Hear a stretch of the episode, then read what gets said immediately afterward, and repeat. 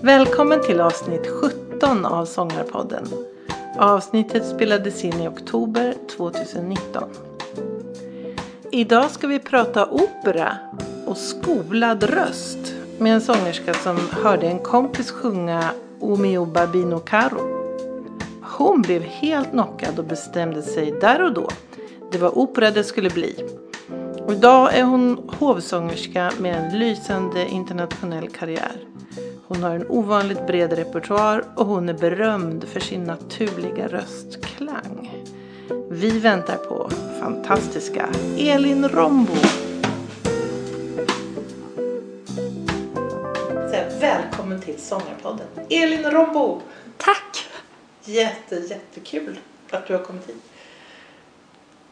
Senast jag lyssnade på dig då var det i juni och vi var i eh, Konserthuset i Stockholm på en jättetrevlig grej, eh, Klingande akademi. Ja. Och eh, jag tänkte vi börjar där för jag tycker att man ska göra reklam för det. Ja. För, förutom att det var jättehärligt att lyssna på dig så var det ju en trevligt arrangemang.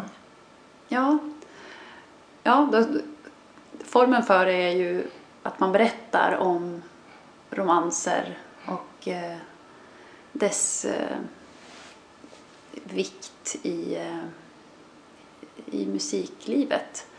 Och just romanser görs ju inte särskilt mycket, eh, eller ja, det ska man... I Sverige finns det inte så många forum för romanser.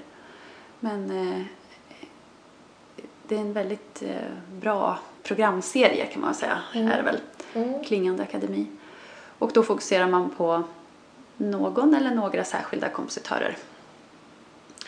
Ja, kanske jag kan bara säga några ord ja. hur det var. För ja. det är ju då Kungliga Musikaliska Akademin som arrangerar just en akademi kan man säga. Ja. Det var gratis att gå in och så uh, fick man då både lyssna på musik där du sjöng, mm. fantastiskt. Eh, men också där ni pratade i en panel av fyra personer som pr pratade om de här romanssångerna och hur de har utvecklats och hur de användes när de eh, gjordes. Ja, ja. och det, det gör när man får fördjupa sig, för att inte säga liksom nörda in sig på någonting. Mm. Det är ju så himla spännande då. Det, mm. det, det breddar ju eh, något enormt liksom. Men att bara höra en romans taget ur sitt sammanhang. Mm. Men om man får det berättat, historien kring det och, ja. och, och också faktiskt för att det, det som man kan ibland liksom tycka är ett problem är ju att dåtidens romanser och dåtidens dikter och texter kan ju idag kännas otroligt omoderna och liksom politiskt inkorrekta och det är kvinnor som... Alltså kvinnosynen var ju inte som den är idag. Och det minns jag att vi pratade om, liksom att hur ska man... Hur ska man liksom då inte sjunga en sån sång bara för att det handlar om liksom åh, jag är inget längre för min man finns inte och så vidare. Alltså, mm. Men så kan man ju inte, jag tror vi också kom fram till mm. där, liksom, så kanske vi inte ska resonera utan det får mer bli liksom en, det är som att läsa en roman som är skriven för mm. länge sedan. Man får en inblick i hur mm. livet såg ut eller hur man såg på, på mänskligheten och kvinnor och män och dess skillnader och likheter. Just det. Så att det är också att lära av. Det är som ja, som allt eh, historieläsande och diktläsande att man lär sig ju någonting av den tiden. Mm. Så det är kul. Det ja, det var en, väldigt... en bra gärning på något. Ja. Nej, men det var också så här, både eh, också musikaliskt hur de utvecklade sig under åren som ja. Så det var jätte, det var verkligen kan varmt rekommendera. Men det förstod inte jag, så hela serien handlar om romans?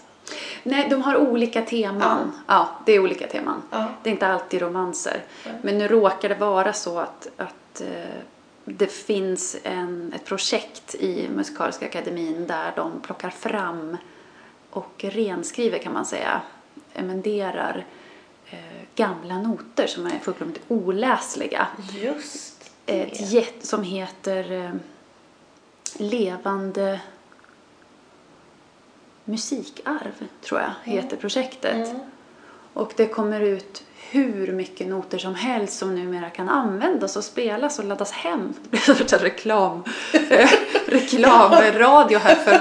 Nej men eh, det är fantastiskt Mm. därför att det är en sångskatt. Det är, det är eh, svenska kompositörers musik som har legat i lådor och eh, varit helt oanvända och oläsliga. Mm. Och de finns nu tillgängliga. Mm. Ja, det är helt fantastiskt Ja. faktiskt. Det är det. Och det är så mycket fint och det är liksom kungligheterna har ju ägnat sig åt att skriva och det har varit mycket kvinnor som vars musik då kanske inte plockades fram därför att det fanns mer ja, mer framstående män som, som syntes mer och sådär. Så att det är jätte, jättekul. Mm. Nej, men man kan ju också tänka sig en tid innan eh, de medier som vi har idag så var det att, någon, alltså att musiken hade en större plats i hemmen eller som social eh, hade en större plats i det sociala. Ja, verkligen. Och tillhörde ju liksom bildningen också. Ja. Jag tror, och det är liksom långt in på 1900-talet så var ju liksom det att kunna musik, att kunna spela lite piano. Till exempel lärarutbildningen var ju, det tillhörde ju, man skulle ju kunna spela orgel. Ja. Eller piano. Ja. Men så det har ju alltid tillhört allmänbildningen att kunna musik. Just det. det. Jag tycker att det var roligt att börja där. Därför att jag, när jag tänker på dig så tänker jag på att du har en väldig bredd på din sång. Så därför började jag här med, med romanssången. För du är ju mest känd som operasångerska.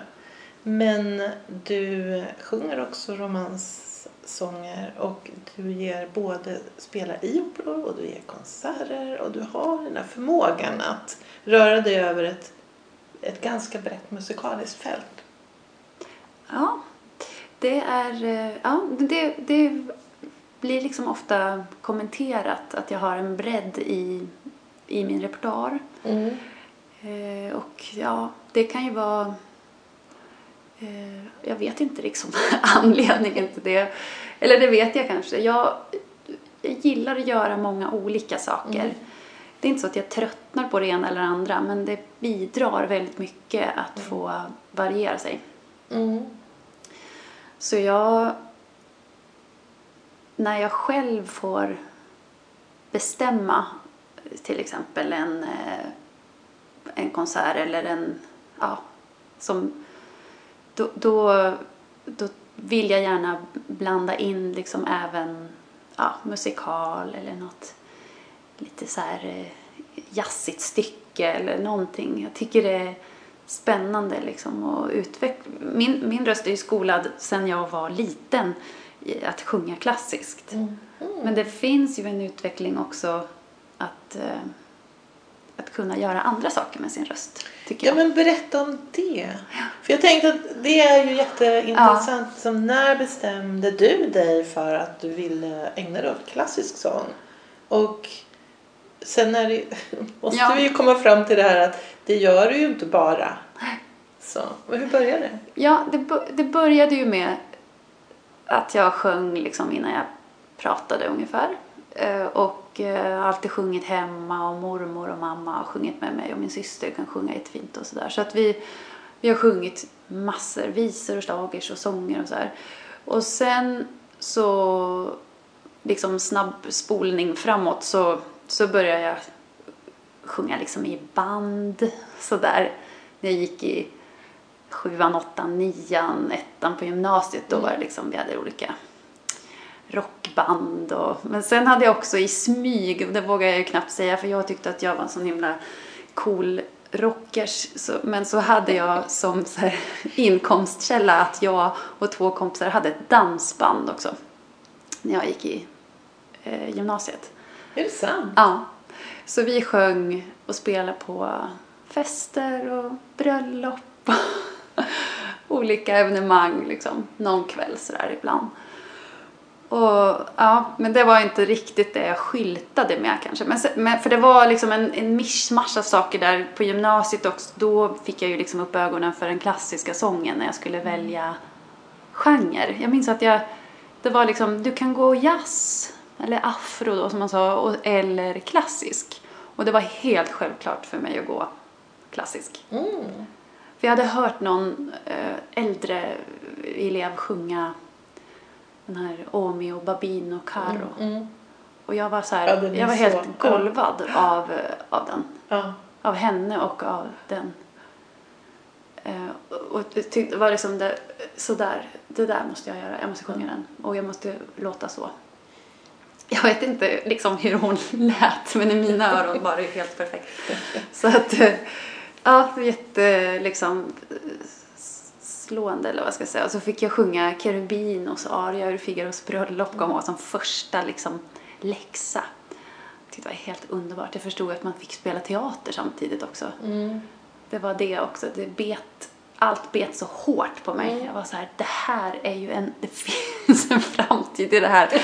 Jag har hittat något. Så då lämnade jag väl kan man väl säga så här banden och, Ja. och dansbandet och Ja. hela den där grejen. Och, och sen har jag liksom aldrig varit särskilt intresserad av att sjunga i kör.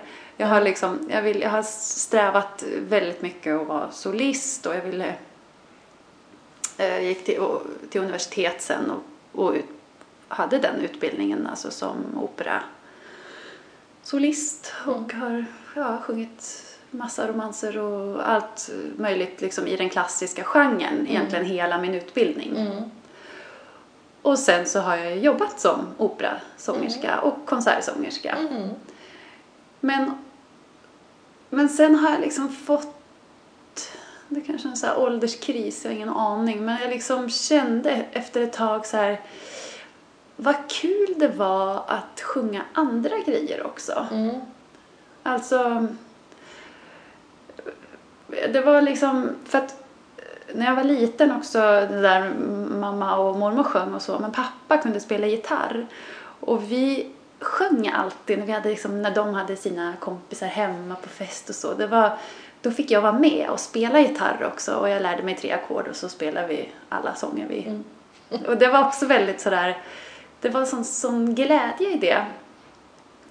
Tycker jag som det är när man, det är spontant och Mm okomplicerat. Och den, den känslan längtade jag lite efter. Därför att operavärlden och den klassiska världen eh, utan att liksom, det, det är vad det är och det är så förfinat och det är så svårt och det är så exklusivt. Men ibland är det också lite så här som en industri. Att, eh, att man, eh, man tappar liksom sin, sin frihet. Eh, och jag, jag är liksom för känslig för sånt, eller hur jag ska uttrycka mig. Jag, jag, jag, jag kan liksom inte... Jag kan inte verka. Jag kan inte göra saker om jag inte känner mig fri i... För det är liksom en regissör som bestämmer vad du ska göra och vad du ska, hur du ska se ut. Liksom, och, eller ja, kläder och kostymer är en annan sak. Men liksom ut, vad är det vi ska berätta är ju en regissör som gör och sen är det en dirigent som talar om hur du ska Mm. uttrycka det. Och ibland, om de, om de inte är lyhörda, så är man bara som en... Man är liksom som ett... eh, Man är inklämd mellan dem. Mm. Så är det inte alltid. Ibland jobbar, jag har jobbat med liksom underbara människor och pianister och, och liksom dirigenter, regissörer så här, där man känner sig fri. Allt bara så här, vad kul det är liksom. Mm. Men när det inte är så, då är det liksom, då känner man sig ganska hopplös. Mm. Och jag tror det var vid något sånt tillfälle som jag kände att jag måste hitta jag måste liksom hitta tillbaka den här glädjen liksom i, på kräftskivan när jag satt på spelade gitarr. Mm. Det, för det, det, är så, det är så jag tycker att mitt musicerande ska vara. Mm. Det, det är så, där är liksom ursprunget, där är kärnan till allting. Jag sjunger därför att jag vill sjunga och jag liksom, det kommer ur djupet av mig och inte eh, inte där någon annan liksom, där jag, där jag pressas in liksom, i en form. Mm. Och det här, jag vet att det är liksom inte unikt. Alla vill ju så här, åh, jag har mitt eget uttryck. Och, men så är det. Alla Mm. har sitt eget uttryck. Mm. Och som regissör och dirigent måste man respektera det. De Mm. har sitt uttryck. Ja, en måste ju bestämma Mm. vad det är man ska... Liksom, det blir ju kaos. Men, men det finns liksom, det är en finkänslighet som, är, som jag ibland har saknat. Och därför så har jag liksom börjat blanda in saker igen i mitt liv. Eh, och tar alla chanser faktiskt att göra andra saker. Mm. Och få, in, liksom få sjunga lite musikal eller sjunga eh, ett jätteroligt projekt som jag... ah, Vi har gjort liksom en konsert. Men det är att jag och ett gäng från Hovkapellet, orkestern på Operan, Mm. gör kupletter. Såna här gamla... Är det sant? Ja. Vad roligt. Ja, det är jätteroligt. Mm. Och, då, och det är liksom ytterligare en genre som jag liksom... Det vaknade kanske lite mig när jag sjöng Glada änkan. Som Jag tänkte Henrik precis det. Ja. Ja, det får du berätta om också, hur Ja. det var. ja. Ja. Nej men det, ja. Så att eh, det, liksom det är tack vare kan man säga den som det väcktes. Eller vad jag ska kalla det för. Mm. Med. Nej men Glada änkan har Med Dorsin? Med Henrik Dorsin. Ja. Ja. Och jag och Henrik Dorsin kände varandra innan Glada änkan. Mm. För vi, dels gjorde vi en grej med, eh, eller dels, vi gjorde en konsert med Orfej Drängar i Precis. Uppsala. Och på Konserthuset i Stockholm. Och då var Ola Salo med också. Så det var vi tre som var gäster på den här. De har ju någon Caprice varje år. Så vi, och då träffade jag Henrik Dorsin första gången. Och han är ju så himla begåvad och kul att vara med. Så här, alltså en så här super, super eh, ödmjuk person. Eh, liksom privat och jättehärlig att jobba på scen. Man skrattar. Liksom, man kan ju inte inte skratta i sin egen pjäs. Det, är ju som, det ska man ju inte. Man måste göra det ur skratt. Men det är... Ja, ja, men han är ju verkligen en jättehärlig person. Och han och Ola Anders Tandberg då som är regissör fick ju i uppdrag av Operan att göra Glada änkan. Och den, alltså ja, den, ble, den har blivit liksom ett kapitel i mitt liv kan man säga. Och jag vet Jeremy Carpenter som, som spelade Danilo. Jag tror att han och jag har spelat liksom 50 föreställningar ihop. Mm. Och vi älskade varje föreställning. Det är liksom... Det var så roligt och vi höll på så länge. Den gick ju så många gånger eller vad jag ska säga. Mm. Så att det var... Ja, det är, liksom, det, kom, det är en period i mitt liv i alla fall som jag... Jag, jag kommer aldrig liksom glömma det såklart. Men, heller, men ja, jag kan liksom njuta av tanken på att det där har hänt. Mm. Det var, så häft, det var så roligt. Det var roligt varje kväll. Det är helt fantastiskt. Ja. Vilket jobb. Ja. Ja, det var en ynnest. Mm. Det var... Och därför att Ola Anders Tandberg också som är eh, regissör som jag har jobbat mycket med.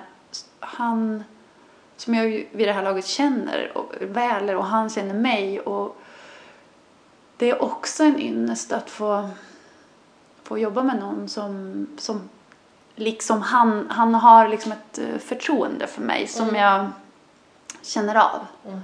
Och som jag ger mig den här friheten som jag, som jag behöver tror jag. Som jag trivs med. Mm. Och, eh, man vill ju liksom ha ansvar. Man vill jag vill ju ansvara också för att det blir bra, att det blir roligt. Jag kan också komma med idéer. För ibland kanske det är så att jag faktiskt har en bra idé. Eller bättre idé än någon annan. Alltså så är det ju. Och så tror jag alla människor vill. Man vill ju få uttrycka och, vis, och vara med och Mm. använda sina färdigheter och så här. Så att, eh, och den typen av arbete kan jag göra med honom. Eh, Så jag, jag, jag liksom har, har, har haft en... Ja, vi ska jobba ihop igen nu i Candid som kommer här framöver. Jag tror jag har fått den största komplimangen någonsin i mitt liv av just Olander Tandberg. För när vi hade gjort en annan föreställning, en Don Giovanni, så sa han på premiärfesten i sitt tal att om han fick ta med sig en person på en öde ö så är det världens roligaste människa, Elin Rombo. Det var fint sagt. Otroligt! Det har jag aldrig skrutit om förut men nu kände jag att nu, nu kunde jag få uttala det eftersom vi började prata om.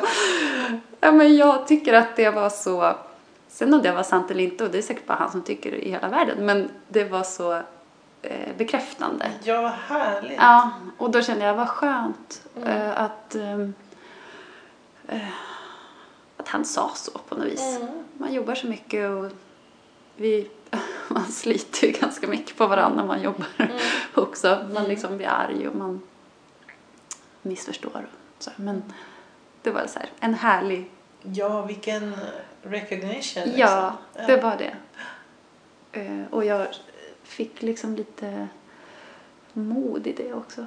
Jag tänkte att eh, ja, men jag kanske är rolig. Liksom. En, en komedien. Mm.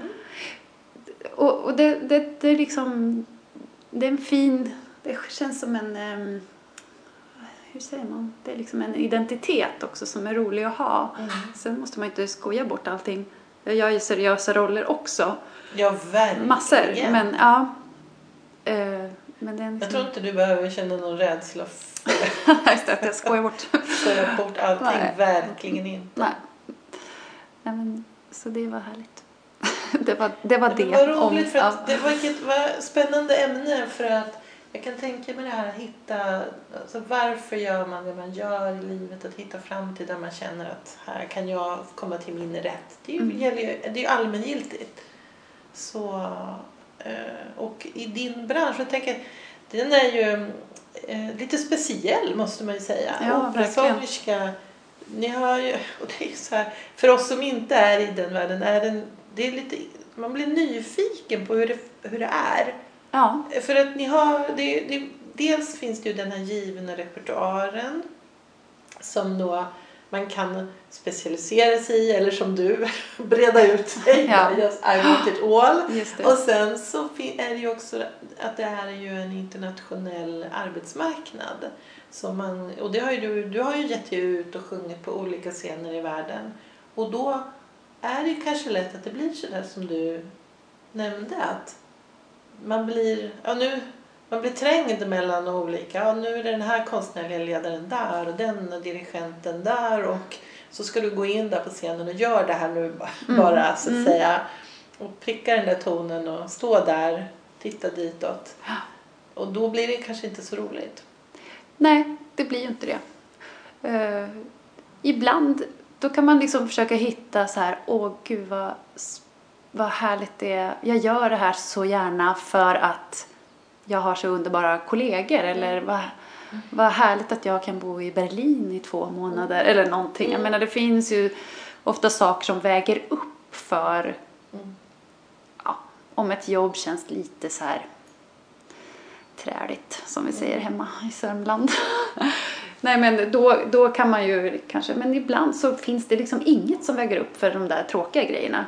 Och då, det är då man får liksom ta till eller försöka, okej, nu ska jag inte göra det här mer. Jag vill göra något annat eller jag vill bredda mig eller jag vill, ja. Eh, men det är ju en lyx också att kunna precis välja vad man vill göra. Det är inte alltid så det går att göra det. Faktiskt. Men eh, ja, jag tappade tråden lite. Men, När du hade vi kan hoppa tillbaka när du var där på gymnasiet och du gjorde ditt val. Mm. Den klassiska sånginriktningen. Och sen då? Gick det, gick det på räls sen? Ja, det, det gjorde det. Jag åkte faktiskt, jag hade en pojkvän i, på gymnasiet som åkte till Kanada av alla ställen. Eh, en, ja, han skulle åka dit och han var flöjtist. Och då följde jag med. Eller liksom jag tänkte, ja men jag söker också in. Så då åkte jag efter honom. Och då blev jag kvar i Kanada i fyra år och där träffade jag en sånglärarinna som så här, verkligen tog sig an mig. Mm. Och eh, har lärt mig så mycket. Hon, hon, eh, ja, hon var liksom helt rätt för mig. Jag vet Så-.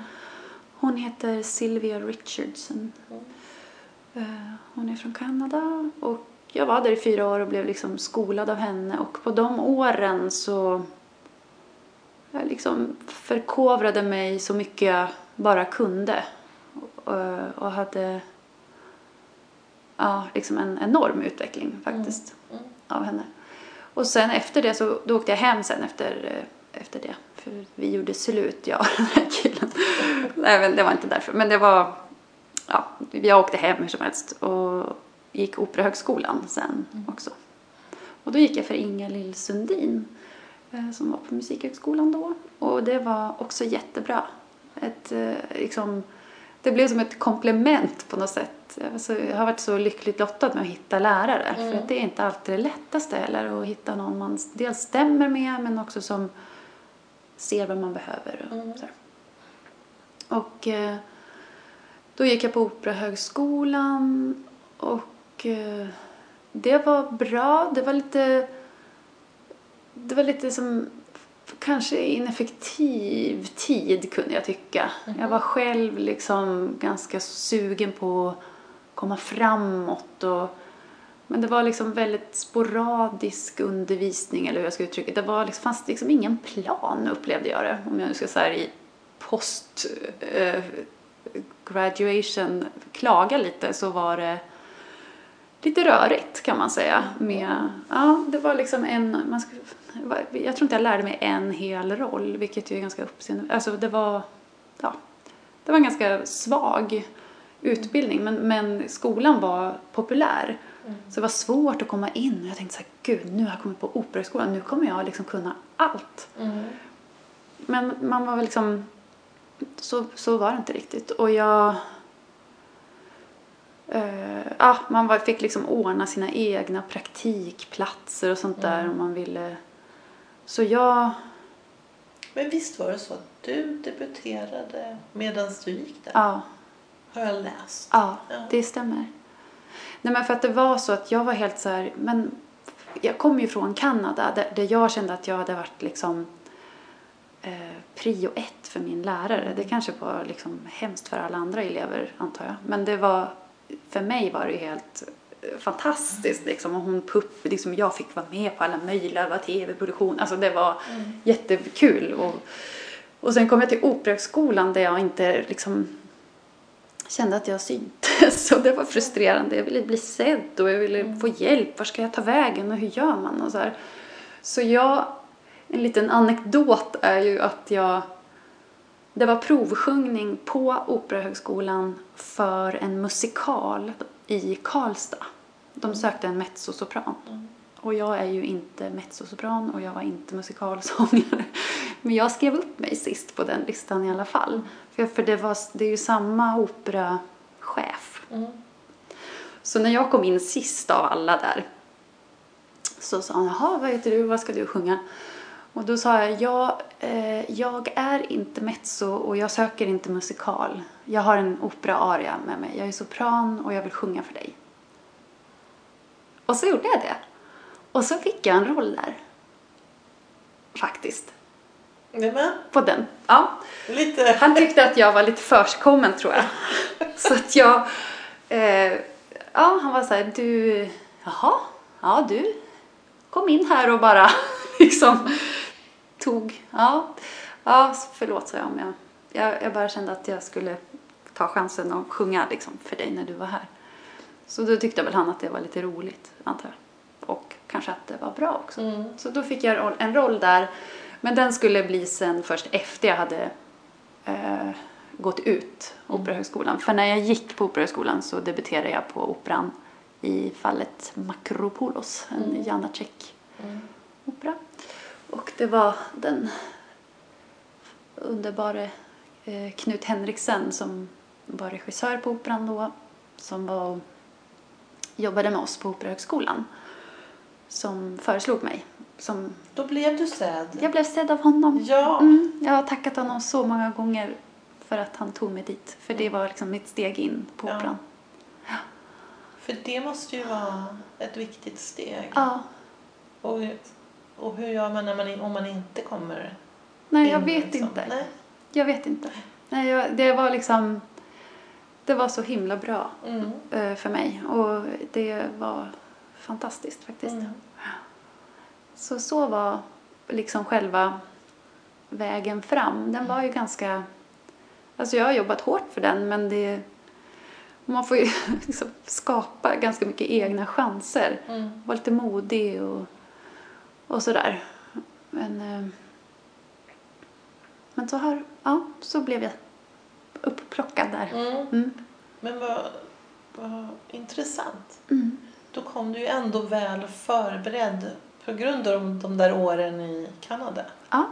Jag tänker på en sak. Du har ju, det är ju väl omtalat, du, din röst är ju väldigt eh, härlig att lyssna på. Den är ju väldigt naturlig. Du är ju skolad men du har ju inte ehm, fått en sån där röst som man... Ibland när folk liksom härmar en operasångare så lägger man röst, liksom tonläget väldigt långt bak i svalget och stort vibrato och så. Så sjunger ju inte du. Nej. Eh, och eh, vad, hur kommer det sig?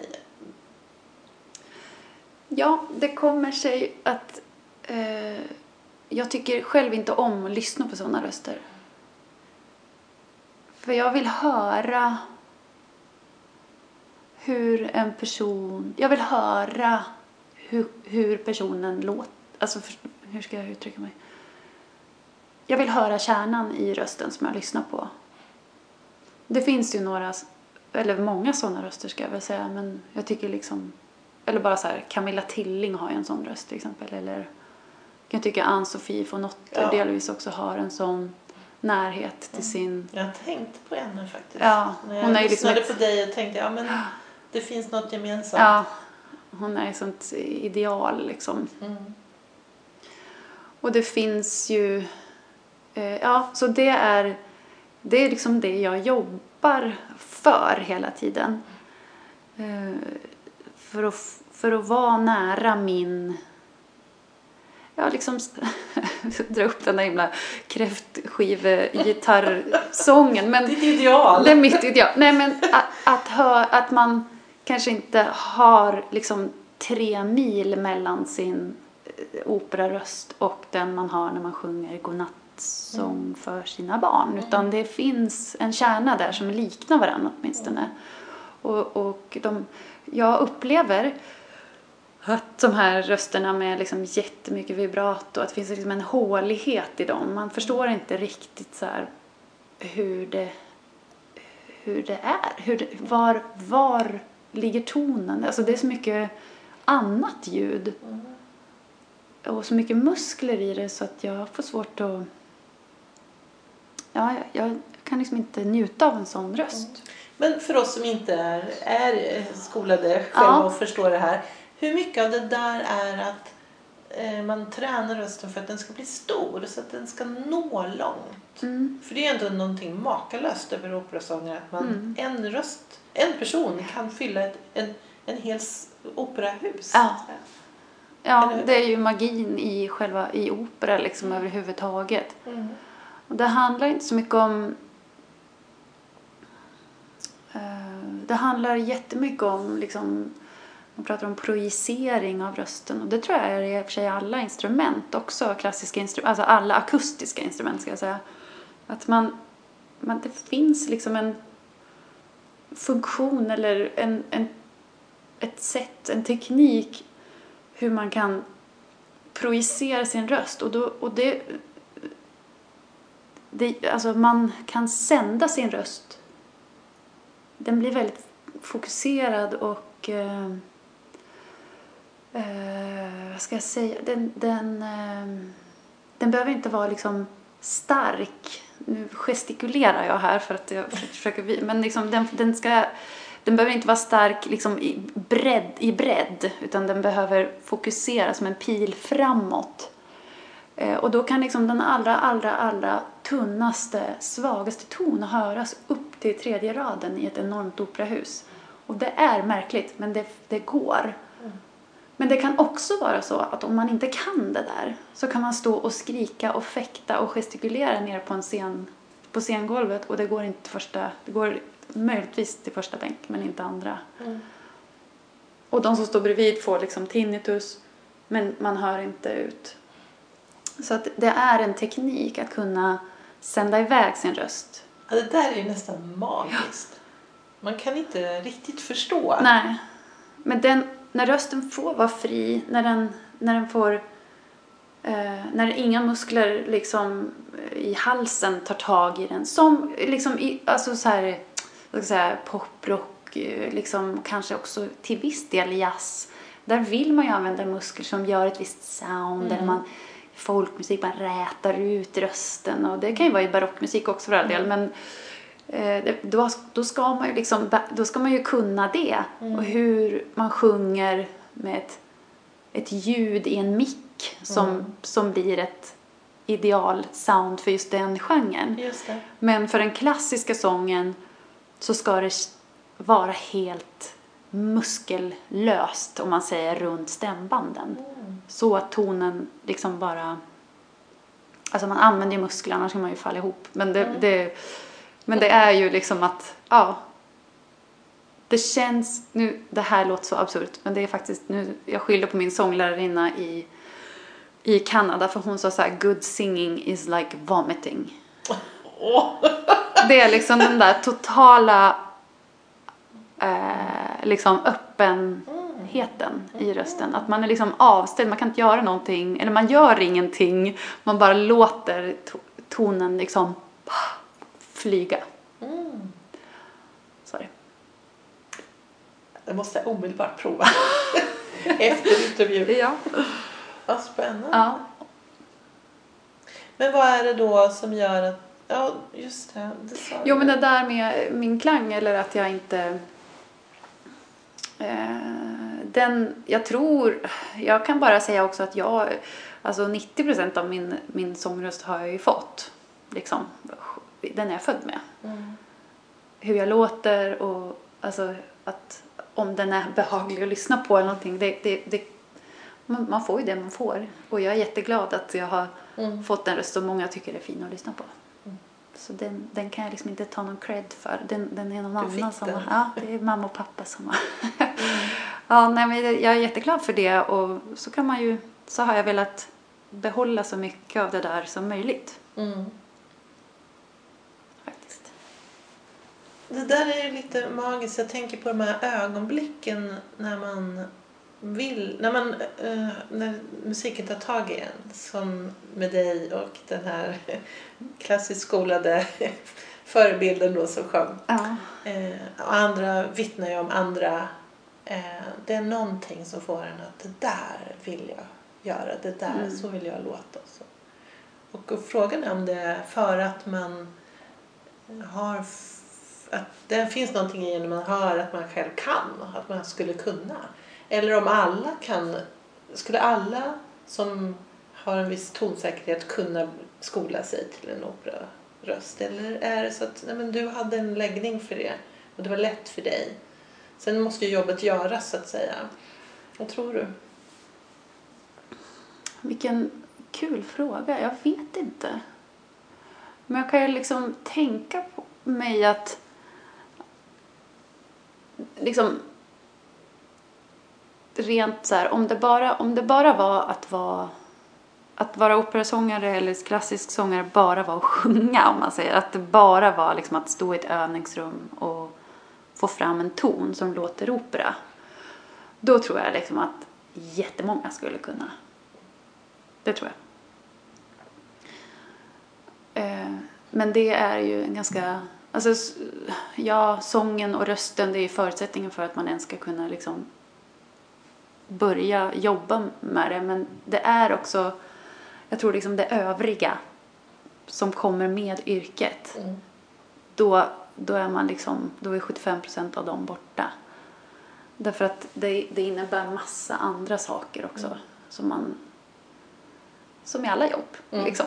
Men det är liksom, men absolut tror jag, har man ett visst gehör och jag liksom är villig att, att eh, arbeta med sin röst, då tror jag absolut eh, att man, jag tänker på det ibland när jag liksom, man stöter på någon det kan vara liksom så en pappa på dagis eller någonting som har världens så här basröst. Man vill bara slita tag i den personen och bara sjunger du? Ska vi ta lite sånglektion? Nej men liksom, de kanske jobbar på liksom, dataföretag och inte alls tänker på att de har liksom, kanske Mm. Sveriges bästa basröst. Mm. Det är liksom, så är det tror jag. Mm. Så det går nog omkring massa så här guldklimpar i hela Sverige och skulle kunna. Just det. Men, eh, men man ska vilja lägga ganska mycket tid på övning och eh, den här eh, ja, det är liksom hela skoltiden och allting. Det är ju otroligt liksom, det är mycket konkurrens, Mm. det är mycket, liksom många nej och nej tack och Just det. det är liksom, och ändå står man där med sin, med sin röst och liksom vill så mycket. Mm. Och, eh, så att, ja, att, att och, hantera nerver i alla, liksom, bara att provsjunga, det är ju det värsta som finns, vittnar ju de flesta om. Liksom. Mm. Ja. Det är så hemskt Mm. att eh, blotta sig så. Och sen så kanske liksom, man sjunger en aria och sen är det tack. Hör man någonstans ute i mörkret. Usch vad hemskt. Ja, är det så att man går ut på en scen, Ja. ofta så här belyst scen och du ser det inte riktigt? Nej. Oh. Det vill ju ofta höra inne på scenen. Ja. Eh, liksom, och då är det så här, ställ dig på krysset. Bara, vem, Hej, vem är det som pratar? Brukar man försöka se någonting ute i mörkret men nej, det är hemskt. Jag intervjuade ju för några avsnitt sedan eh, Gunilla Backman som Mm. är musikalstjärna. Och hon berättade ju just om det här, det är också audition. Och så tänkte jag, för hon sa, det tar aldrig slut. Hon gör fortfarande audition och då kan man tänka att man borde ju till slut veta ungefär hur den här sångaren låter. Behövs de här audition egentligen? Kan man inte bli tillräckligt känd så Mm. att man, man får, får rollen ändå? Mm. För att som hon vittnar om och du också nu att det är fortfarande blir inte lättare utan man är lika nervös för att klappa ut där och bli bedömd. Mm. Nej tack eller Nej, men, för, och nu, jag ska bara säga så det blir rätt. Liksom, eller det förvånar mig att, att de har så mycket auditions i musikalvärlden. För det är auditions i... Jag, det var väldigt länge sedan jag gjorde en audition, ska jag säga. Mm. Jag, jag, gör, dem- jag gör inte det längre. Mm. Ja, det gläder mig. Ja, jag, Ja. jag är liksom så glad att slippa det verkligen. Ja. För att ah, det är det något man fasade för då. Så, så det, och jag menar herregud, Gunilla Backman är väl liksom Ja, en av de kändaste ja absolut. Mm, Och det, så duktig. Så, alltså det är så här, Ja. men... eh, det behöver ju inte nästan- ens, nej men det är ju bara, det är bara larvigt. Alltså Mm. det, det är så, ja Mm. vad ska jag säga. Ibland kan det vara lite så här, ibland är det inte de kanske de mest kunniga som ska avgöra vem som ska få rollen. Och då har de ingen fantasi. Och då måste de höra exakt Mm. den rollen. Man kan inte tänka så här, "Åh, undrar hur hon lät i Mamma Mia, nu kan jag Mm. tänka mig hur hon låter i den här. Mm. Och så är det ju lite. Mm. Men eh, ja, det spelar ju verkligen ingen roll, det får ju hon. Men eh, ja, det var märkligt att hon behöver provsjunga, måste jag säga. Ja, jag blev så här förvånad. Ja, så... nej men det är säkert så för alla i musikal. ja, det tror jag. Mm. Ja men helt klart, om hon gör det så gör ju alla det. Men det var ju roligt att du slipper. Jag är evigt tacksam att jag slipper. Din bransch lite snällare då. Ja. Man ska säga. Ja, faktiskt. Mm. Om... Eh, nu har vi pratat lite... Ja... Förut sa du att det var roligt med den här komi- komedien och att du var lite ängslig över att du skulle bara framstå som någon Så rolighetsminister. Ja, just det. Men eh, jag tänkte på, jag såg en, en inspelning från Polarprisen där du sjöng och vad hette han? Ja, eh, Peter Sellers fick... Ja, eh, han satt ju och bara njöt. Det var så Mm. roligt att se. Mm, Han satt och eh, liksom eh, låtsades dirigera där och bara med slutna ögon nästan så här. Och det var ju jätte, jätteroligt att se Ja. och höra. tack. Ja, det var en Händel-aria. Ja. ur Theodora. Nej men jag, det är väl liksom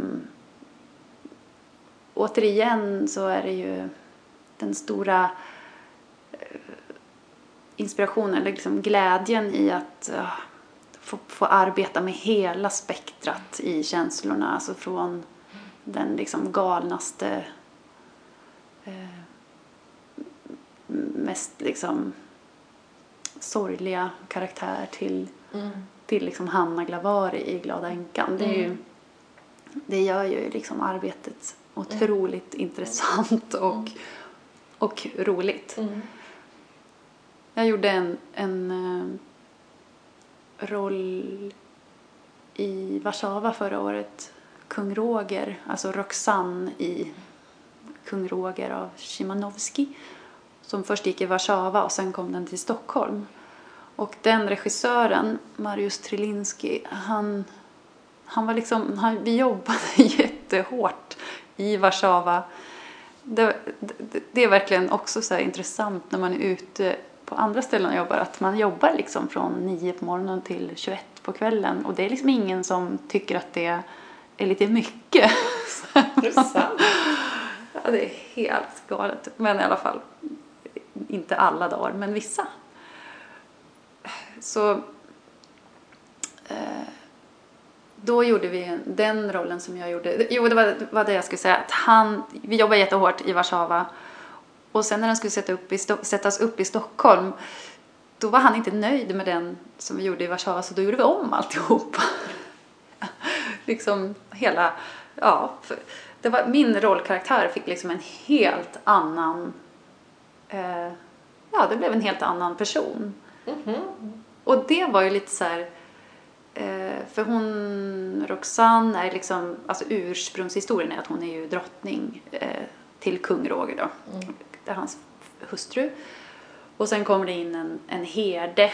Han kallas för herden men han är väl, man kan väl se honom som en gudafigur eller en Jesusfigur eller en profet eller vem man nu vill. Som kommer in och eh, givetvis så blir ju Roxana förälskad i honom. Och det är liksom upplägget för dramat. Och, och, se, och sen så kan man tolka det hur man vill, vad som egentligen, hur det sker och varför det sker och så här. Så i första, i Warszawa så var min rollkaraktär liksom en eh, liksom en övergiven så här, lyxhustru som söp liksom. och var konstant full och gjorde bort sig och klev in på stora såna här möten som, som kungen då hade. och liksom, men sen i Stockholm så var det liksom, då var jag helt tillnyktrad och, skulle, och var istället liksom manipulativ och klev in på det där mötet och liksom gjorde bort kungen på, på ett annat sätt. Alltså det, och det var så himla, först var det så här, va, ska vi ändra allting? Men det, var också, det är också väldigt spännande liksom att spela samma pjäs med helt nya glasögon. Mm. Så det, och eh, där var det ju liksom noll komik. Det var liksom inget som var roligt i den operan. Eh, utan allt ska liksom, den var väldigt spännande på ett sätt, så här läskig liksom. Men eh, det, var, det var jättekul på så kort tid att eh, ja, få liksom bara snurra runt hela rollen. Och liksom, det var samma kläder, det är samma musik, det är samma scenografi. Men, men rollen som jag spelade, allt jag sa blev liksom något annat. Och det var, det var lite coolt. Mm. Då blev det så teater på riktigt faktiskt. Så att man, Med lite nytändning då ja, alltså. ja, det blev det faktiskt. Och den blev bättre tyckte jag också här i Stockholm. Vad kul. Mm. Jag hörde, eller läste att du i någon opera hade upptäckt att du sjöng ännu högre än vad du gjorde. Ja, Var det den operan? Nej, det var ganska Men, länge sedan. Det var en, det var en, det var en nyskriven opera, eller inte jättenyskriven ska jag inte säga. Den är skriven på typ 89 eller något sånt där. Men det får väl kallas ganska tonspråkigt hur som helst. Det är inte, det är jättekomplicerat och svårt. Eh, och det var väl så att jag har, jag hade sjungit repertoar med liksom något, någon hög ton här och där. Men i den här operan så var allt högt och högre än jag någonsin har. Alltså det var liksom, man stannade kvar där uppe vid liksom de där, ja men som Nattens drottnings F1 och, och ner då till C1 kanske. Alltså det var så svårt och så högt. Men då fick jag liksom, om man ägnar som vi gjorde då, jag vet inte, jag re, repade ju in det också, men så, så att jag sjöng på det där i, ganska intensivt i tre månader. Och plötsligt så kunde jag liksom, så var jag så här, jag är ju en väldigt hög sopran. Och det har jag liksom inte, hade jag dessförinnan inte sett mig som. Jag Men är inte det här jättespännande? Jo, det är det. För det är ju någonting med att, ja men då tränade ju du upp det när du så plötsligt kunde du sjunga Ja. väldigt högt. Ja. Och det var liksom, det, ja det var så, det var så coolt på något vis. Och för sanningen är ju den att jag egentligen trodde att jag var mezzosopran när jag bodde i Kanada. Mhm. För då tänkte jag, nej jag har lite svårt liksom för höjden. Så här, jag har så bra mellanregister som man pratar om. Liksom. Mm. Eh, och så därför kunde jag, jag har liksom, ja, välkomna till Skrytpodden. Men jag har bra, jag har bra register. Mm. Jag har ganska stort omfång Ja, det- ja. som det är nu eftersom Ja. jag har bra mellanregister och har den där höjden också. Och det gör ju också, också att jag kan har lite så här schizofrent eh, CV om man säger Mm. vilka roller jag har gjort. Ja. Så är det.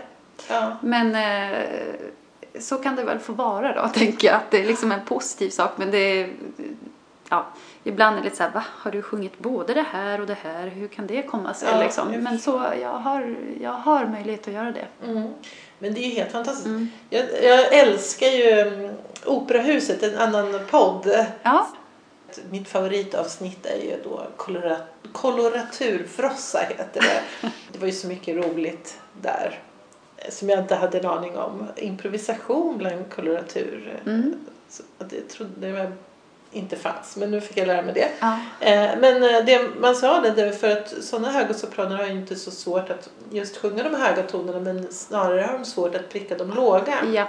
Mm. För att de har så korta stämband. Mm. Eh, och att man har det omfånget. Man ligger helt enkelt där. Mm. Det vi tycker är omöjligt det är deras normala Just läge. det, man klingar bäst. Liksom. Ja. Mm. Men däremot kan de gå och oroa sig för det här låga tonen som ska komma lite senare som ingen människa bryr sig om. Nej. Men det är deras utmaning. Mm. Men då är det ju häftigt att då har ju du, det är som att du har både det ena och det andra. Ja, faktiskt. Men tror du att det är så här att man begränsar sig själv? Och att det där, du sa ju nu att Mm. du höll på och tränade, eller ni övade in operan under tre månader. Mm. Att det är så att om man bara matar på, det är klart det finns en begränsning, stopp någonstans. Men att man kanske sjunger högre än vad man tror. Ja, det tror jag. Jag, har, jag, jag är helt säker på det. Och jag, det, det var ju nästan som att... Ja, jag, jag tänker liksom, hade jag inte... Hade inte den nyskrivna operan sett ut som den gjorde med liksom det här extrema, då, då hade jag väl liksom inte riktigt besökt de Nej, markerna.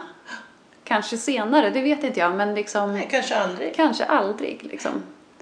Hur, men det är också roligt att du fick jobbet. För då, Ja. Ja, det var verkligen så här. det var ju väldigt bra. Då var det någon som förstod att det där Ja. fixar hon. Ja. Det kommer inte bli några problem. För att jag minns när det var, den här operan heter, eh, eller skriven av en italienare som heter Luigi Nono. Och det var på Salzburgfestivalen som är en, som en stor, det är en väldigt så här prestigefull sommarfestival. Liksom. Väldigt häftig, massa stjärnor och det pågår hur mycket som helst. Det är liksom tre operahus och ja, det är jätte, det bara kokar liksom i lilla Salzburg. Så det är jätteroligt att vara där. Och jag ville ju såklart dit. Så jag vet att min agent var lite så här, "Ha, kan du sjunga ett F liksom? För i så fall så... Ja, precis så var det. Jag bara, hmm, jag kanske... Ja, jo, men det ska nog gå, vet du. Det, det är ingen fara. Och så, så bara fick jag liksom hem ett partitur som är lika stor som det här soffbordet och så var det jättesvårlästa noter och fin högt liksom. Men det, det var så bra också. Det var så kul liksom att kasta sig in i det. För det, det är ju liksom... Jag var då i alla fall, det här är ju tio år sedan. Då var jag liksom inte så rädd för sånt. Eller jag vet inte varför jag inte var det. Men jag minns ju att det var en viss stress såklart. För det var ju svårt att lära sig och så här. Men, men eh, det var roligt att göra det och det har ju verkligen så här burit mig vidare också. Ja. I att ha den där höga eh, ja, kunna liksom lira på de där höga Mm. tonerna. Mm. Så det är lite... Kan man höra det här någonstans? Finns det någon inspelning? Eh, måste jag tänka. Jag har sjungit i en annan opera som blev inspelad där men undrar om den blev inspelad. Jag tror inte det. Jag tror att den bara... Mm. Det är ju lite synd. Ja, ja möjligtvis att den finns någonstans Mm. på någon hemsida. Salzburg festival Mm. typ. Men ja, nej. Jag vet inte faktiskt.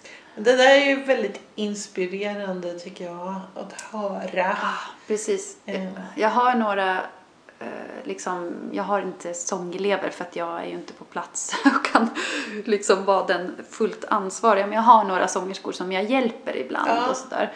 Och jag brukar liksom tvinga, eller när vi gör uppsjungningsövningar så vet jag att jag går långt över där de Brukar. gör själva. Ja. Och, och några av dem är ju så här, vad är det för ton? Ja, det spelar ingen roll, säger jag. Ja, men, är, det, är det det nu? Du vet, de vill gärna veta liksom, för att jag kan ju inte över det ungefär, tänker de. Det är väldigt kul för man kan pressa upp sin röst. Mm. Sen ska man inte skada sig, men man kan verkligen så här försöka breddstretcha den liksom som ett gummiband så här, när man sjunger upp. Mm. Sen, ja, sen går det lättare och lättare och lättare. Lättare. Mm. Ja, jag är ju levande bevis på det. Mm. Och du är nog inte ensam Nej. heller. Men det där var ju väldigt speciellt. Ja. Inte bara en ton eller en halvton Nej. utan det är flera toner upp. Ja, Och också där man... För lite grann tänker jag att det finns ju, man kanske kan pressa ur sig ljud men man kanske inte framför dem. Nej, precis. Så. Nej. Eh, Men det var ju ändå så att du framförde. Ja. Du lyckades liksom Ja. upp där du kan framföra ljudet. Ja. Ja, spännande. Ja. Ehm, det låter ju ändå som att du är ute och nosar på allt möjligt. Du gör roliga grejer helt enkelt. Mm. Mm. Men eh, en sak som jag noterade det var att det inte var så mycket inspelat. Nej. Det är synd. Ja. Eller har du så här inspelat material som sen kan... Ja, alltså det finns ju vissa saker är inspelade alltså för någon typ av dokumentation tror jag. Liksom. Men jag vet liksom operahus och sådär och spelar ju inte så mycket in sina Nej. och heller inte, ja alltså vissa eh, det finns ju, radion spelar ju in liksom, rom- romanskonserter Mm. och och ehm, också ja, andra jag gjorde faktiskt ett jättekul projekt ihop med min man Anders som spelar fiol eh, på Dramaten och det blev inspelat av radion men det är ju sådär det liksom, blir ju inte automatiskt en, en skiva som är tillgänglig för Nej. alla. Så att, eh, nej men det är väl också kanske en Att del. det, ja, men det kanske inte har varit så viktigt för dig då Nej, att göra det.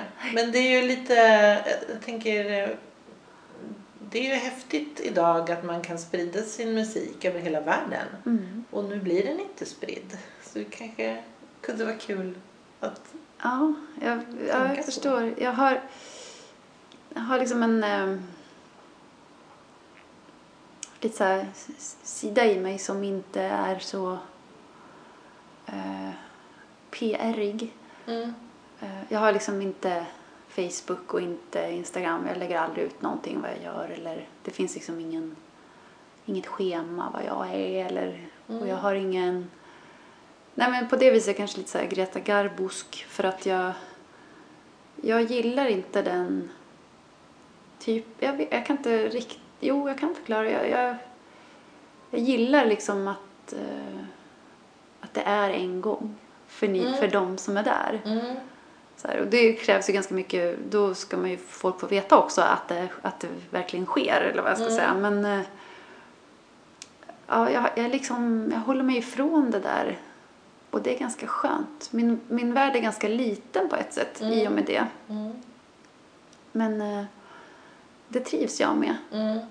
Att jag inte liksom visar Vet du vad jag tänker på när du säger sådär? Den där gamla fantastiska filmen Diva. Har du sett den?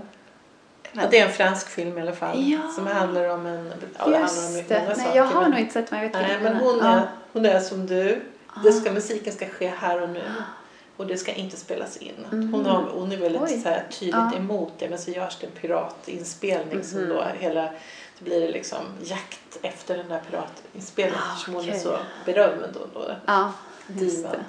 Nej men lite grann kan jag tycka att eh, jag tänk, du har ju blivit jämförd med andra sångare som jag tittade på. De har ju jättestor skivproduktion. Mm. Så tänker man så här, det är ju ändå trevligt att lyssna på. Mm. Fin röst och så. Så det kanske, ja, kanske kan inspirera dig att Ja, ha ja något tack. Jag, ska, projekt. jag tar med mig det. Ja, Mm. men kanske att jag... eh, För då, jag tänkte på det där du sa att vara fri. Mm. Skulle man kunna tänka sig att göra ett projekt där du Ja. spelar in på dina villkor? Ja. Det här är den musik jag vill spela Mm. in. Ehm, på mitt sätt och Ja. låta som jag vill. För Just är det. min skiva. Mm. Det är ju ett ganska roligt projekt faktiskt. Ja, det är det. Då kanske det kan bli lite kupletter också. Absolut. Och lite gitarr. Ja, kanske inte hyra in pappa som musiker. Varför inte? Ja. Ja, Eh. nej men absolut. Det finns ju ett värde i att, eh, eh, att få saker ner på skiva. Det tänker man ju också, ja men kanske så för mina barn om inte annat liksom, eller eftervärlden att man... Det är också finns- roligt för sig själv. Ja, Det kostar ju pengar visserligen men eh, idag är det ju roligt med att man måste ju inte heller göra den fysiska produkten. Man kan ha Ja. Mm. den bara på streamingtjänster och då har man ju ändå, behöver man ju inte hålla på med den här helt sant. Och det, distributionen och ja. det finns ju jätteenkla medel att spela in för all del Mm, också. Så att det, ja. Mm. ja, men jag ska fundera på det. Det tycker jag du ska göra. Ja. Annars undrar jag så här, om du skulle drömma här nu framöver, Mm. vad är, eh, har du några sådana här projekt? Förutom de här kupletterna Mm, då, ja, som just låter jätteroligt. Och de vill man ju veta när man kan få Ja. lyssna på så du kanske måste be någon att göra lite mer PR. Absolut. Ja, men ofta är det ju så att jag kan, i, de, någon jag musicerar med kan skriva på sina medier. För jag faktiskt noterade det, för jag, när jag skulle liksom Mm. läsa på om dig Mm. då, då såg, jag- upplevde jag det att det var väldigt svårt att veta vad gör du nu? Ja. Som när kan man lyssna på dig nästa gång? Mm. Det var svårt att ta reda på. Ja, Du kanske har fans, en Ja. fanclub vet du, som Ja. bara väntar på att få höra om dig. ja. Jag får ta lite ansvar för det Jag tycker det. Ja. Du får ta ansvar för oss. Ja, Eller också får du be din manager att de får på deras hemsida. Ja, Ja. det kanske skulle vara en bra grej. Men åter till det här om, om du ser framåt och du vill inte, du vill undvika där du blir förträngd. Men Mm. är det någon sån här drömprojekt som, eller flera kanske som, Ja, alltså det finns så många så här olika, de spretar lite. Det är liksom, men, nej, men det, om man liksom tänker på operaroller och sådär så skulle jag gärna eh, sjunga mer eh, av, de kallas för belcanto-kompositörerna. Liksom. Det är Rossini, Bellini, Donizetti och det är lite koloratur. Eh, men det är också, med, alltså, ja, det är liksom en ganska så här röstgympa att sjunga de rollerna. Eh, men de är också väldigt så dramatiska, liksom. Eh, sömngångerskan och Mm. det finns ju några av dem som är liksom seriösa men sen finns det också de här glada, liksom tummen upp eh, som är ko- komiska roller. Det. Så det är liksom en... Jag tror att min röst är där väldigt mycket i den repertoaren eh, just nu. Eh, Men sen så, jag, jag tycker att om jag skulle göra liksom en skiva, och det här, det är inte så att jag inte har funderat, eller det finns redan, vi har redan liksom pratat om det, vad ska jag säga. Men då skulle jag göra en barockskiva med musik av liksom Barbara Strozzi eller något sånt här. Det är, mycket av det man drömmer om är liksom redan gjort men det är ju inte gjort med mig så att då får man se det som att det skulle Mm. vara liksom en nyhet ändå. Eh, för att jag tycker om så här barockens uttryck och att det är liksom Ja, där kan man verkligen också använda rösten på väldigt många sätt. Eh, Det är inte bara liksom en stor vibrerande jätteröst. Det är snarare tvärtom. Mm. Liksom. Den behöver ju vara lite finstämd. Och, det. eh, så det, det är liksom en... Det där var ju två ganska stora motsatser egentligen. För det ena är ju liksom det hög romantik och Ja. massa sådär. Men, men det, sånt där, det är liksom det jag känner för just nu om jag bara ska drömma. Mm. Man ska drömma. Mm. Och nyskrivet. Gärna. Mm. Om det är eh, intressant och Mm. välskrivet. Ja, Mm. absolut. Jag har gjort massa nyskrivet som har varit... Ja, det har varit alla. Både det ena och det andra kan man säga. Det är inte alltid... det är Ofta när man säger ja till ett nyskrivet verk så finns det inte än. Ja. Att Men det är väl häftigt? Då Ja. skrivs det ju Mm. för Mm. dig i princip. det är jättebra. Ja. Och också kan man eh, be kompositören att ändra om det är vissa grejer sådär. Mm. Det är ju också häftigt. Men, Ja, men verkligen. Så det ska vi, det, sånt ska man verkligen eh, se till att det blir framfört mer. Men det är, eh, det är få kompositörer idag som kan skriva bra musik tycker jag. Ja. Mm. Det, det, eh, kunskapsnivån tror jag inte är jättehög på många eh, kompositörer. Så att det, det är ett fåtal som kan. Mm. De kommer inte säga några namn. Ja, vi säger här. inga namn, men det finns många som är jättebra. Jag var på en för något år sedan eller två och jag var full av beundran över sångarna. Som kunde sjunga i timme efter timme. Där det liksom saknades något att hålla sig i Mm. egentligen. Nästan omöjligt. Ja. Fast Jag, kan ana, jag kan ana vad det är, vi behöver inte... Ja, vi Ja. kommer inte säga Nej, men jag tror att någonting. vi hade samma upplevelse kanske. Ja. ja, jag var också i full beundran av samtliga på scenen. Mm. Ehm, och sådär. Ja, Mm. ja men så kan det vara. Mm. Och, och sådana projekt kan ju vara jättesvåra liksom. Mm. Och, och försöka hitta den där liksom intressanta lilla pärlan långt in i Mm. liksom allt som bara känns så här, det här är under min värdighet.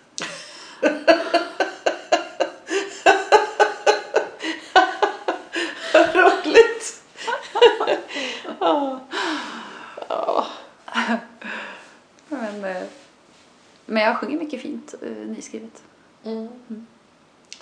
Eh, vi brukar alltid ha, i slutet av avsnitten så har vi lite så här tips till Sångarpoddens lyssnare. Det är ju många som är Jaha. intresserade av sång. Ja. Och eh, jag antar att det är sådana som jag, lite amatörsångare Mm. och många kanske sjunger i kör och så vidare. Ehm, vad skulle, har, skulle du kunna, vad vill du säga? Till, säg så här, till exempel jag som börjar bli till åren då, eh, men jag har fyllt 60. Hur tar man hand Det kan ju inte du kanske veta, men du kanske har hört någonting. hur, man, hur man ska förhålla sig, att man vill fortsätta sjunga. Hur Mm. gör man? Ja, Nej, men det som händer med, med talrösten ofta när man blir eh, äldre är att man inte man bryr sig inte så mycket om hur man talar. Sen kan, tycker man, "Åh, vad konstigt det låter när jag sjunger. Men det kan vara liksom ett tips eh, att försöka liksom, inte att man behöver liksom låta som Birgit Nilsson sådär, men man kan ändå Ja, så att inte rösten hamnar för mycket så här när man pratar. För det är väldigt ansträngande för Mm. stämbanden. Mm. Och då är det som att man motarbetar eh, varje gång man... Alltså, Mm. ja. Mm. Så det är väl liksom bara så här snabb, quick Men man ska tips. tänka på hur man talar. Ja. Ja. På samma sätt kanske som om man sjunger i kör eller vad man nu gör eh, eller tar lektioner eller någonting att däremellan så alltså om man har en övning som är liksom ah, liksom så att hur kändes det där egentligen kan jag kan jag hitta den klangen lite mer när jag pratar Mm. Eh, för det och det är ju jag tänker mycket på det när man möter människor som, som pratar eh, som har en anst ett ansträngt tal. Mm. Eh, och det kan vara en del, en del lägger upp rösten väldigt mycket när de pratar och sen kanske de sjunger. Alltså det, det Mm. finns eh, så många olika sätt. Men det är faktiskt ett, ett tips att man Mm. inte liksom blir, blir lat vad det gäller Mm. talrösten. Mm. Det var bra. Sen har jag en kompis som är en ny kompis. Men hon har en dotter som är 15 år och vill eh, bli operasångerska. Mm. Vad har du för tips? Om man är ung och Ja, vill ja. gå din väg. Ja, visst. Alltså, tipset är liksom hitta allt det där du älskar och hör på skiva och prova och sjung det. Liksom bara ta vad som helst. Det spelar ingen roll om det är så här eh, Brynhilde eller Mimi. Liksom, ta, älska det du gör så att man håller liksom glädjen uppe. För det spel, du kan, man kan liksom inte vad ska jag säga, man, jag tror inte man liksom förstör rösten. Sen om man, sen man börjar ta sånglektioner så kanske man ska liksom öva in saker som passar för en ung röst. Mm. Men den här glädjen och eh, lusten att sjunga Mm. och drömmen man har om vem man ska vara när man Mm. sjunger. Den tror jag är liksom viktigare än all teknik i världen. Men sen ska man också hitta en sånglärare som är bra. Som man själv, som man känner att man utvecklas med. Mm. Vilka bra råd. Tack Hoppas så det. mycket. Tack så mycket för att du kom hit och vi fick prata. Jätteroligt samtal tycker jag. Tack, detsamma. Jätteroligt. Ja, jag känner mig helt peppad Ja, vad här. skönt. Ja, Vad bra. Jag med. Ja. Jätte, jättekul. roligt. Få älta runt i Och nörda lite. Ja, nörda ner sig. Ja. Tusen tack. Kanon.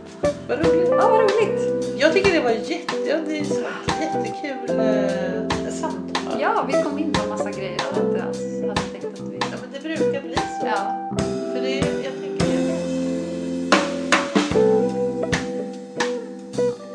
Du har lyssnat på Sångarpodden.